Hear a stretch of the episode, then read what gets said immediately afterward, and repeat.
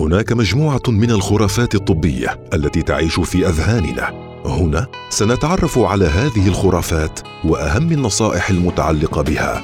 هل فعلا الأمراض الجلدية معدية؟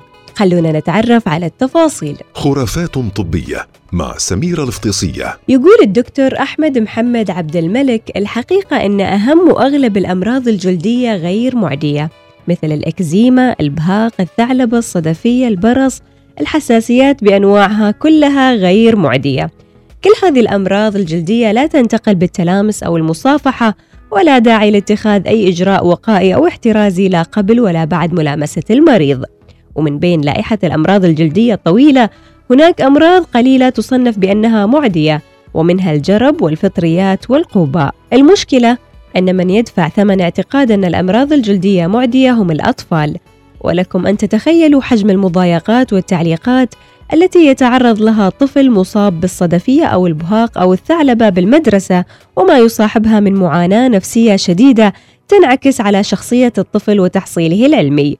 وهناك حالات سجلت. حالات انتحار للأطفال في بريطانيا والولايات المتحدة نتيجة لهذه المضايقات.